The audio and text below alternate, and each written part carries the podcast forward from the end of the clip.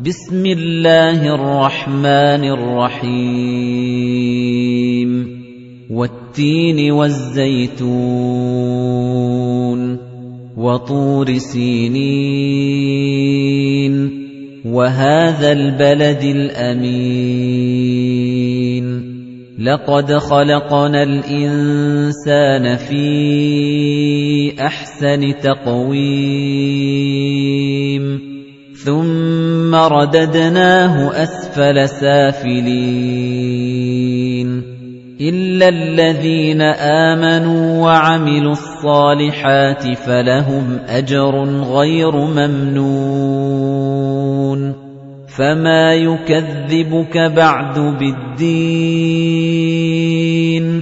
أَلَيْسَ اللَّهُ بِأَحْكَمِ الْحَاكِمِينَ